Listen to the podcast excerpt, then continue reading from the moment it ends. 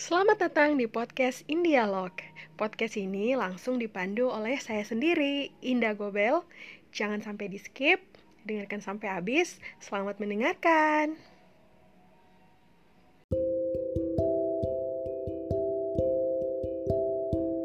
Halo teman-teman semua, apa kabarnya? Semoga teman-teman semua dalam keadaan sehat, bahagia, senang, damai, sentosa, dan semoga semua hal-hal baik yang ada di muka bumi ini senantiasa mengiringi teman-teman semua yang sedang mendengarkan podcast In Dialog ini. Amin. Yap, sebelum aku uh, masuk ke materi dari podcast ini, aku mau cerita sedikit ya, kenapa aku melanjutkan kembali podcast In Dialog ini setelah cukup lama gitu aku stop tidak upload lagi. Sebenarnya uh, hal paling utama itu adalah karena ya aku malas. Aku malas dan aku uh, selalu memanusiawikan kemalasan aku ini. Padahal sebenarnya itu adalah hal yang harus dipangkas habis-habisan dalam diri kita ketika kita ingin membentuk kualitas diri yang lebih baik. Nah jadi itu salah satu alasannya kemudian ya alasan kedua adalah malas lagi. Jadi benar-benar malas gitu untuk melanjutkan uh, podcast ini walaupun uh, bukan karena aku nggak punya materi itu tapi karena ya malas tadi. Nah setelah beberapa waktu kemarin aku uh, sedang berusaha untuk memperbaiki kualitas diri aku dengan berbagai macam metode. Sehingga aku merasa aku harus melanjutkan podcast ini lagi sebagai upaya buat diri aku sendiri ya karena aku senang untuk mendengarkan nasihat. Aku senang mendengarkan nasihat mendengarkan kata-kata bijak mendengarkan hal-hal yang banyak uh, mengandung wisdom di dalamnya untuk diri aku sendiri sehingga aku uh, memutuskan untuk melanjutkan podcast ini untuk diri aku sendiri. Namun jika ada teman-teman yang merasa relate dengan diri teman-teman, bisa juga didengarkan dengan sepenuh hati dan keikhlasan seadanya. Oke, okay. oh iya, podcast ini juga lanjutan podcast ini juga aku buat karena ya aku baru mengalami hal yang sangat menyedihkan buat aku tapi ya udahlah semua udah berlalu. Ini karena human error aku sendiri. Yaitu secara tidak sengaja aku menghapus ah aku menghapus. Enggak sengaja sih ya. Enggak sengaja aku mendelete podcast self healing kemarin.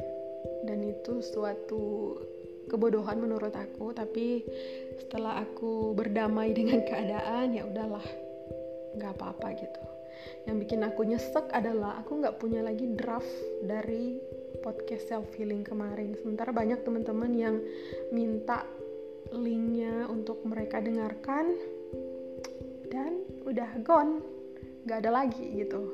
Jadi aku memutuskan membuat podcast ini walau dengan uh, mood yang swing belum stabil tapi aku harus tetap melanjutkan ini karena aku merasa aku harus menebus dosa aku human error aku. Seperti itu. Nah teman-teman um, karena uh, apa namanya podcast self healing kemarin udah kehapus secara tidak sengaja ya bukan disengaja. Kayaknya aku kali ini juga mau cerita sedikit tentang self healing lagi ya. Ya hitung-hitung mengganti podcast kemarin dan semoga ini relate gitu dengan teman-teman semua. Tapi utamanya untuk diri aku sendiri sih. Aku ngomong di sini panjang lebar sampai capek berbusa sebenarnya untuk diri aku sendiri. Dan ini adalah tujuan utama podcast ini dibuat gitu. Karena aku senang dinasehati aku senang mendengar sesuatu yang bijak. Jadi aku berusaha untuk bisa mampu menasehati diri aku sendiri. Seperti itu.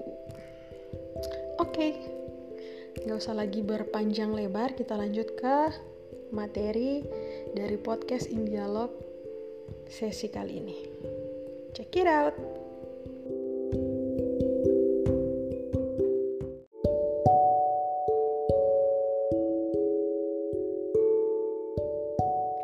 Oke lanjut, kita masih berbicara tentang self healing. Jadi materi ini masih sama seperti podcast yang kehapus kemarin. Jadi anggaplah ini adalah sambungan atau yang lebih melengkapi dari podcast kemarin ya. Walaupun aku juga udah lupa gitu, podcast kemarin tuh isinya seperti apa. ya Allah maafkan aku. Oke lanjut ya, kita tidak akan ada sesi curhat di sini. Kita akan lanjut dengan uh, pembicaraan mengenai self healing ini. Jadi menurut life experience aku sendiri dengan segala research dan metode yang sudah aku pelajari untuk benar-benar sampai pada topnya untuk healing,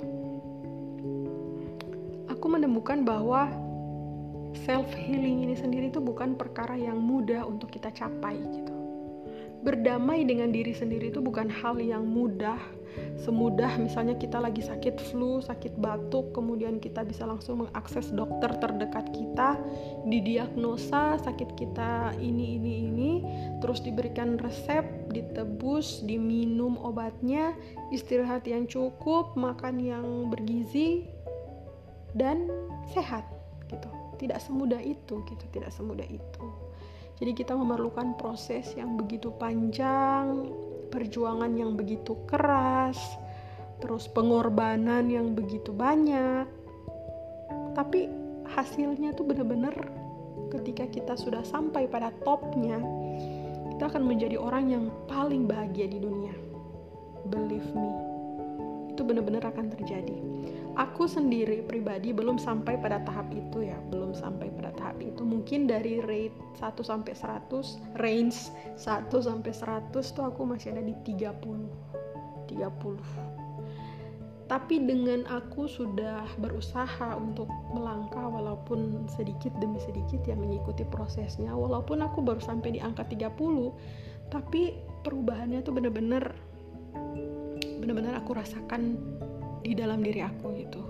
Bagaimana aku bisa sedikit demi sedikit bisa mengendalikan emosi bisa dengan uh, bisa sedikit demi sedikit bisa menerima keadaan yang terjadi bisa sedikit demi sedikit lebih bijak gitu lebih bijak dengan apa yang harus aku hadapi lebih uh, banyak berpikir untuk apa yang akan aku putuskan. Itu benar-benar membantu sekali ketika kita sudah ada di tahap proses healing tadi. Nah, metode-metodenya pun tuh beda-beda masing-masing orang. Aku banyak research dengan pakar-pakar yang lebih berkompeten gitu ya, melalui jurnal, melalui podcast, melalui uh, webinar dan lain sebagainya tentang self healing ini. Ada satu kesamaan gitu dari orang-orang hebat ini yang mengatakan bahwasannya sumber atau akar masalah itu sebenarnya adalah diri kita sendiri gitu. Salah ketika kita mengalami masalah kemudian kita menyalahkan objek lain itu benar-benar salah. Karena sesungguhnya kontrol kontrol permasalahan atau kontrol hal itu bisa menjadi suatu masalah itu ada di dalam diri kita sendiri, bukan otoritas orang lain gitu semua kembali di dalam diri kita sendiri. Nah, jadi proses untuk healing ini sendiri, salah satu proses yang paling penting itu adalah bagaimana kita bisa cerdas secara emosional. Itu yang pertama. Dan itu juga bukan hal yang mudah untuk dipelajari, karena kita bisa mengendalikan emosi, kita bisa uh, mengetahui cara kerja otak otak mana gitu yang membuat kita bisa seketika emosi, seketika membuat kita sedih, seketika membuat kita bahagia, membuat kita cemas. Itu benar-benar juga hal yang bukan hal yang mudah gitu. Banyak membaca, banyak uh, research itu bisa membantu dan itu yang sedang aku lakukan saat ini.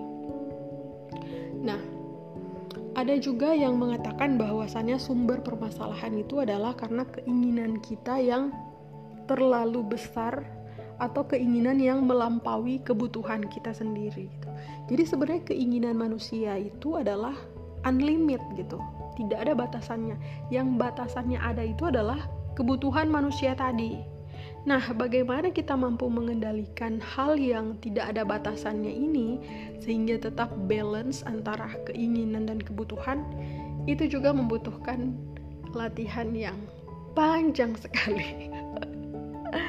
nah, jadi teman-teman di sini tuh aku ajak agar bisa berpikir secara jernih gitu. Bagaimana kita bisa mengetahui di dalam diri kita sendiri itu seperti apa, ya? Karena ketika kita tahu diri kita sendiri, seluk-beluk diri kita sendiri, itu akan mengurangi potensi masalah di dalam hidup kita. Benar. Dan itu sudah aku buktikan dengan perjalanan perjalanan research aku untuk capai healing yang benar-benar healing. Dan mari kita sama-sama mendoakan semoga kita bisa healing, semoga kita bisa mencapai healing yang sebenar-benarnya healing.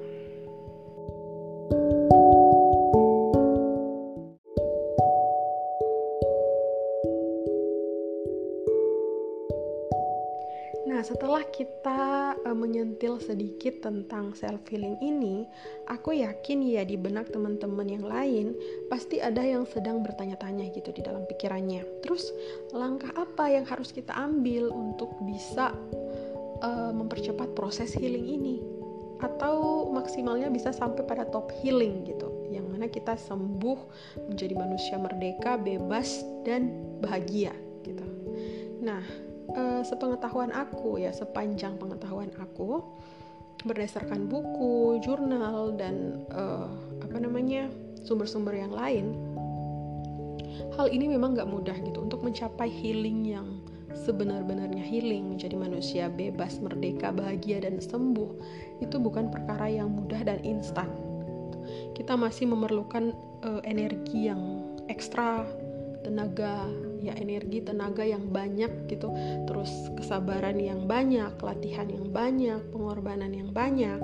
Tapi ternyata ada metode yang bisa mempercepat gitu proses healing ini. Salah satunya adalah dengan metode pengenalan diri. Nah apa sih pengenalan diri? Jadi pengenalan diri ini adalah ketika kita tahu diri kita secara lahir dan batin umumnya uh, manusia orang-orang ya manusia orang-orang tahu dirinya itu hanya sebatas fisik gitu. Oke okay, I know this is my hand this is my ear dan lain sebagainya gitu. Aku tahu warna kulit aku seperti apa aku tahu bola mata aku warnanya seperti apa rambut aku seperti apa uh, kuku dan lain sebagainya gitu. Tapi tidak banyak yang tahu diri mereka secara batin atau mungkin apa ya bahasanya bisa disebut diri spiritual gitu. Tidak banyak yang tahu. Bahkan orang yang uh, secara apa ya secara real menyatakan bahwa dia adalah ahli spiritual belum tentu benar-benar dia tahu gitu diri spiritualnya itu seperti apa. Itu pun memerlukan metode yang ya yang panjang gitu. Salah satunya adalah kita bisa belajar uh, ini kita bicara untuk pengenalan diri ya kita bisa belajar untuk tahu diri kita yang sebenarnya itu melalui uh, pemahaman kita tentang apa takdir baik dan takdir buruk yang terjadi di dalam diri kita Nah, kenapa aku ngomongnya takdir baik dan takdir buruk ini sebagai bagian dari proses pengenalan diri?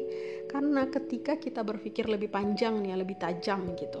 Sebenarnya takdir baik dan takdir buruk ini adalah indikator gitu indikator apakah kita sudah kenal dengan diri kita atau belum. Seperti itu. Kenapa? Karena orang yang belum mengenal dirinya secara lahir dan batin dengan benar gitu, dia akan memiliki respon yang berbeda terhadap penerimaan atas takdir baik dan takdir buruk ini. Teman-teman ngerti nggak? Jadi gini, orang yang belum mengenal dirinya sendiri biasanya uh, merespon takdir baik dengan baik tidak akan bisa merespon takdir buruk dengan baik. You know what I mean? Pusing ya. Ya semoga nggak pusing ya karena ya berbicara tentang diri yang lain itu sulit memang. Tapi ini bagian dari proses gitu. Ketika kita ingin mencapai sesuatu yang baik biasanya hard proses itu harus kita lalui dulu kembali ya kembali ke takdir baik dan takdir buruk tadi. Contohnya begini misalnya teman-teman sedang uh, dipertemukan dengan takdir baik atau sesuatu yang menyenangkan gitu. Proses penerimaan diri teman-teman itu pasti responnya baik ya. Karena sesuatu yang menyenangkan itu pasti akan baik kita terima. Beda kasusnya dengan kita menerima takdir buruk gitu. Takdir buruk yang datang pasti umumnya akan direspon dengan rasa sedih rasa uh, penolakan atau blaming ke objek-objek yang lain di, di luar uh, diri kita gitu. Nah, ketika kita sudah tahu diri kita seperti apa, oh iya, kebutuhan aku seperti apa, keinginan aku seperti apa, diri aku seperti apa, aku bisa memilah dan memilih uh, respon yang harus aku gunakan untuk merespon sesuatu. Dia tidak akan merespon dengan hal-hal negatif gitu, apa pun itu. Karena sepanjang pengetahuannya, takdir baik dan takdir buruk itu memang harus terjadi gitu dan itu mutlak akan terjadi dalam setiap kehidupan manusia yang berproses di muka bumi ini. Nah, ketika dia paham itu, apa pun permasalahan yang menimpa dia, seburuk apa pun takdir yang akan menimpa dia, pasti akan direspon dengan hal yang sama dengan ketika dia merespon takdir yang baik. Oh ya, itu masalah datang gitu. Oke sebatas masalah. Masalah datang sebatas masalah aku ambil pelajaran yang ada di dalamnya selesai gitu. Nggak ada proses kesedihan yang berlarut-larut nggak ada proses e, menyalahkan pihak-pihak di luar diri kita gitu objek-objek yang lain. Apalagi menyesali kenapa itu harus terjadi kenapa kalau mungkin aku tidak begini mungkin yang begitu tidak akan terjadi. Hal itu tidak akan terjadi gitu karena kita paham dan kita sebatas memahami gitu. Oh ya. Oke, selesai masalah dicari jalan keluarnya selesai. Tidak ada hal-hal negatif yang akan merundung di dalam diri kita sendiri. Nah, ini bagian dari proses pengenalan diri tadi gitu. Ketika kita sudah matang, kita sudah fix, maka proses healing tadi akan semakin dekat untuk kita capai seperti itu.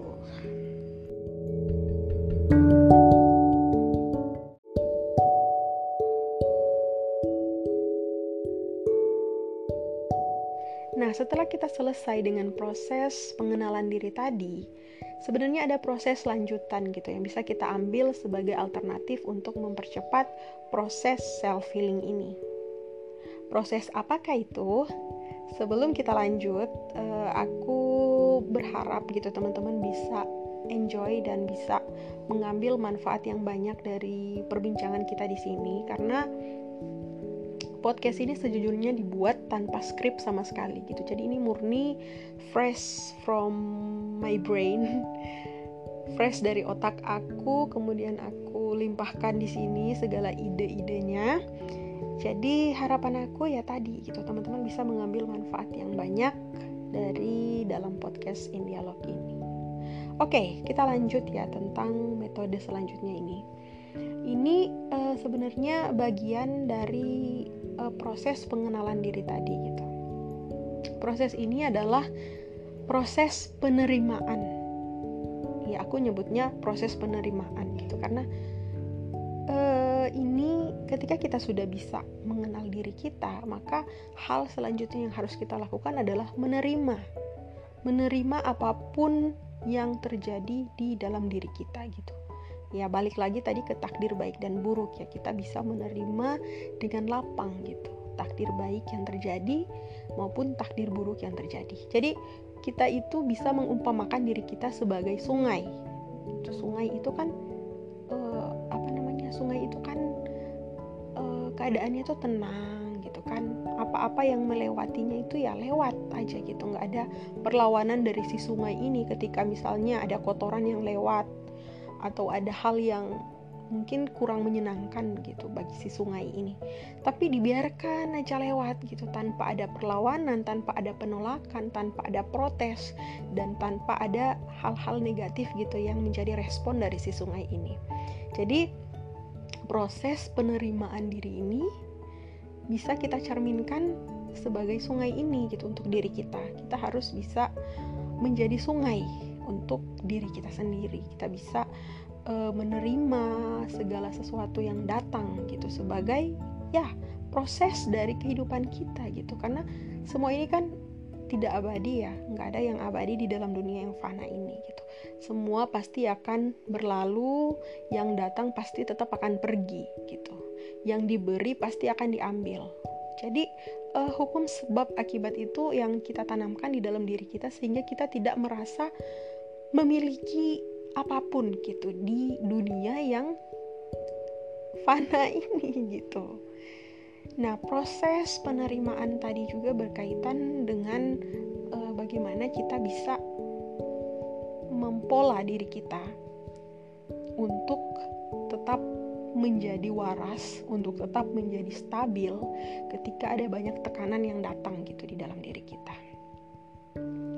Misalnya nih, teman-teman sedang dalam kondisi yang kurang menyenangkan gitu. Ketika kita paham tentang penerimaan ini, tentu kita tidak akan menjadi orang yang bergelut gitu di keadaan yang tidak menyenangkan itu. Kita akan tetap stabil dengan diri kita, kita akan tetap menjadi manusia yang normal gitu, menyikapi apa pun dengan keadaan yang normal, menyikapi apa pun dengan kepala yang dingin, menyikapi apa pun dengan akal yang sehat gitu. Seperti itu proses penerimaan diri teman-teman pasti paham ya dari apa yang udah aku jelasin ini. Nah, ternyata proses penerimaan diri ini juga bisa sangat membantu dalam penyembuhan rasa insecure di dalam diri kita. Ini benar-benar berhasil juga di aku karena sebelum aku belajar sampai ke tahap ini, aku merasa aku adalah salah satu manusia yang paling insecure di muka bumi ini. Ya, aku sering uh, overthinking, terus aku sering memikirkan hal-hal yang menurut aku nggak adil gitu di sekitaran aku. Bahkan aku sering memikirkan kenapa Tuhan menciptakan dia dengan potensi yang begitu banyak? Dengan uh, kelebihan yang begitu banyak? Sementara aku diciptakan hanya seperti ini gitu. Nah, dengan rasa penerimaan diri yang aku terapkan di dalam diri aku, segala pikiran-pikiran jahat tentang itu tuh semua hilang perlahan-lahan hilang ya nggak secara langsung hilang juga tapi perlahan-lahan mulai hilang gitu. Ketika aku melatih diri aku untuk bisa menerima segala sesuatu yang terjadi di dalam diri aku itu adalah hal yang paling baik yang sudah ditentukan oleh Tuhan. Aku tidak lagi merasa insecure dan tidak lagi overthinking yang berlebih gitu karena ketika kita sudah mengerti rasa penerimaan itu seperti apa, kita tidak akan lagi uh, terkontaminasi dengan hal-hal negatif di luaran kita yang mungkin akan mengganggu pikiran kita gitu. Nggak akan ada lagi keadaan-keadaan yang membuat kita tidak nyaman dengan segala sesuatu yang menurut pikiran kita tidak nyaman gitu atau menurut kerja otak kita tuh tidak nyaman untuk kita rasakan. Semua tuh akan balance, kita akan menjadi selaras dengan apa pun yang ada di sekitar kita. Gitu kita akan menerima segala sesuatu, tidak akan menjadi orang yang uh, menjudge sesuatu, tidak akan menjadi orang yang merasa lebih, tidak akan menjadi orang yang merasa uh, pintar, tidak akan menjadi orang yang merasa kurang, tidak akan menjadi orang yang merasa uh, harus minder. Semua itu akan hilang gitu ketika kita menerapkan rasa penerimaan ini. Seperti itu. Jadi kita akan mengibaratkan diri kita tuh seperti jari tengah di dalam uh, lima jari kita ini. Coba teman-teman mungkin bisa lihat jarinya sendiri ya. Kita mengibaratkan diri kita tuh di jari tengah. Jadi ketika kita merasa uh, sedih kita merasa kecewa, kita bisa melihat ada jari manis dan jari kelingking gitu yang artinya ada orang yang lebih sakit atau ada orang yang lebih sedih dibanding kita ternyata. Dan mungkin ketika kita merasa kita uh, pintar kita merasa berlebih atas segala sesuatu kita bisa melihat jari jempol dengan jari telunjuk gitu. Ternyata ada yang lebih dari kita. Ada orang yang lebih potensial dari kita gitu yang sama sekali membuat kita nggak perlu untuk merasa sombong seperti itu jadi kita akan berjalan di muka bumi ini dengan keadaan yang normal dengan pikiran yang normal dengan seimbang gitu tanpa ada hal-hal yang bisa uh, masuk atau bisa mengintervensi diri kita untuk menjadi sesuatu yang nggak baik seperti itu.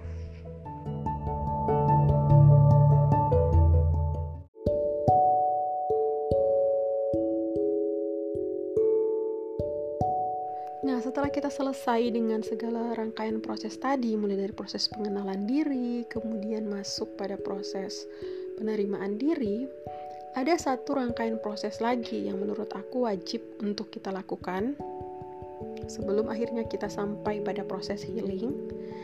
Proses ini adalah proses kita bisa mencintai diri kita secara utuh gitu atau nama kerennya adalah self love Kenapa self love ini penting menurut aku?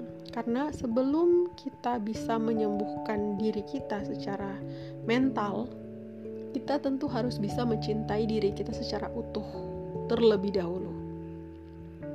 Ini sering kali disepelekan orang-orang, sering kali juga diabaikan oleh orang-orang. Padahal ini begitu penting. Gitu.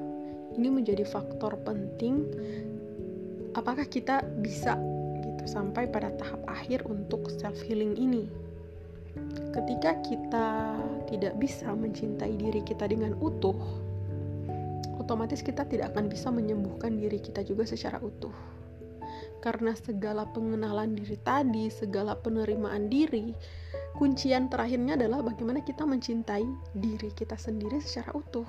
Gitu. Kita bersyukur sebagai makhluk yang diciptakan Tuhan dengan segala kebesarannya, dengan segala kemurahannya, dengan segala potensi yang diberikannya, dengan segala kebaikan di dalamnya, dengan segala tujuan kehidupan yang sudah Ia tetapkan, harusnya kita lebih mencintai diri kita sendiri dibandingkan orang lain gitu atau objek yang lain ya karena ketika kita sudah tuntas dengan diri kita sendiri otomatis kita akan berdaya dan bisa berguna untuk orang lain. Ya seperti itu teman-teman. Seperti itu besti. Ya karena ya seperti sepanjang pengetahuan aku juga orang-orang yang biasanya depresi atau semacamnya itu uh, terjadi karena mereka terlalu banyak menggantungkan harapan gitu kepada orang lain. Padahal mereka sendiri paham nih, orang yang digantungkan harapannya ini belum tentu bisa mengabulkan semua harapan dia. Dia pun tahu gitu sewaktu-waktu orang ini bisa saja mengecewakan dia. Tapi kenapa gitu segala sesuatunya itu dia gantungkan kepada orang lain. Ini karena mereka kurang memahami diri mereka sendiri, kurang mencintai diri mereka sendiri, kurang paham, kurang tahu gitu bahwa sebenarnya kekuatan terbesar itu ada di dalam diri kita sendiri. Seperti itu. Tuhan menciptakan kita dengan ragam bentuk ini semua ada tujuannya masing-masing gitu. Dan tujuannya tentu tujuan yang baik ya. Tidak mungkin Tuhan menciptakan manusia untuk tujuan yang buruk gitu. Nah, sebelum sampai pada tujuan yang baik tadi, kita akan diuji gitu. Apakah kita mampu nggak bertanggung jawab dengan diri kita? Apakah kita benar-benar siap? Apakah kita benar-benar cinta gitu dengan segala yang sudah Tuhan tetapkan di dalam diri kita?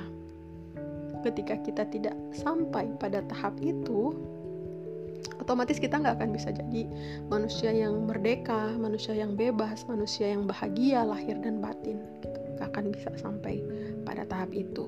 Jadi kuncian terakhir ini menurut aku wajib untuk bisa kita terapkan di dalam diri kita sendiri. Gitu. Ketika kita sudah bisa mencintai diri kita sendiri, otomatis segala harapan itu tidak akan kita gantungkan dengan mudah kepada orang lain. Dan yang paling penting ya, tidak akan ada objek lain di luar diri kita yang bisa menyakiti kita secara langsung tanpa izin dari kita sendiri. Kita bisa mengontrol segala sesuatu yang masuk gitu. Respon yang akan kita berikan pun bisa kita kontrol ketika kita sudah selesai dengan diri kita sendiri. Nah, podcast ini mungkin akan uh, selesai di sini, tapi sebelum uh, aku menutup podcast in dialog tentang self healing ini uh, aku ingin memberikan semangat juga buat teman-teman yang sedang berjuang untuk bisa uh, sampai pada tahap healing. Memang prosesnya tidak mudah tapi semua pasti akan terlalui gitu. Ketika kita punya semangat yang kuat gitu kita punya keinginan untuk benar-benar menjadi sesuatu yang bermanfaat pada akhirnya karena kan akhir dari kehidupan kita ya bagaimana kita bisa bermanfaat bagi diri kita sendiri dan untuk orang lain gitu. Nggak ada yang lain. Proses uh, kehidupan kita proses penciptaan kita semuanya pasti diinginkan Tuhan agar kita menjadi sebaik-baik manfaat di muka bumi gitu. Sebaik-baik uh, makhluk yang bisa bertanggung jawab dengan diri kita sendiri. Nah, teman-teman harus semangat ya uh, kita diciptakan dengan segala kebaikan gitu. Jadi kita jangan pernah merasa insecure dengan diri kita. Kita diciptakan dengan begitu sempurna gitu. Kita tidak perlu melihat kelebihan yang berlebihan gitu di diri orang lain karena apa yang ada di diri dia secara berlebih menurut pandangan kita mungkin ada juga sesuatu yang dia lihat di diri kita yang lebih menurut pandangan dia. Jadi uh, perspektif masing-masing orang itu beda. Segala sesuatu itu relatif gitu yang ada di uh, sekitaran kita. Jadi jangan terlalu uh, apa namanya fokus dengan objek-objek di sekitar kita. Seperti itu. Semangat untuk teman-teman semua. Semoga uh, kita senantiasa dalam keberkahan Tuhan. Dan semoga teman-teman semua juga selalu didekatkan dengan kebaikan Oke, kita akan uh, ketemu lagi di podcast In Dialog selanjutnya. Bye bye.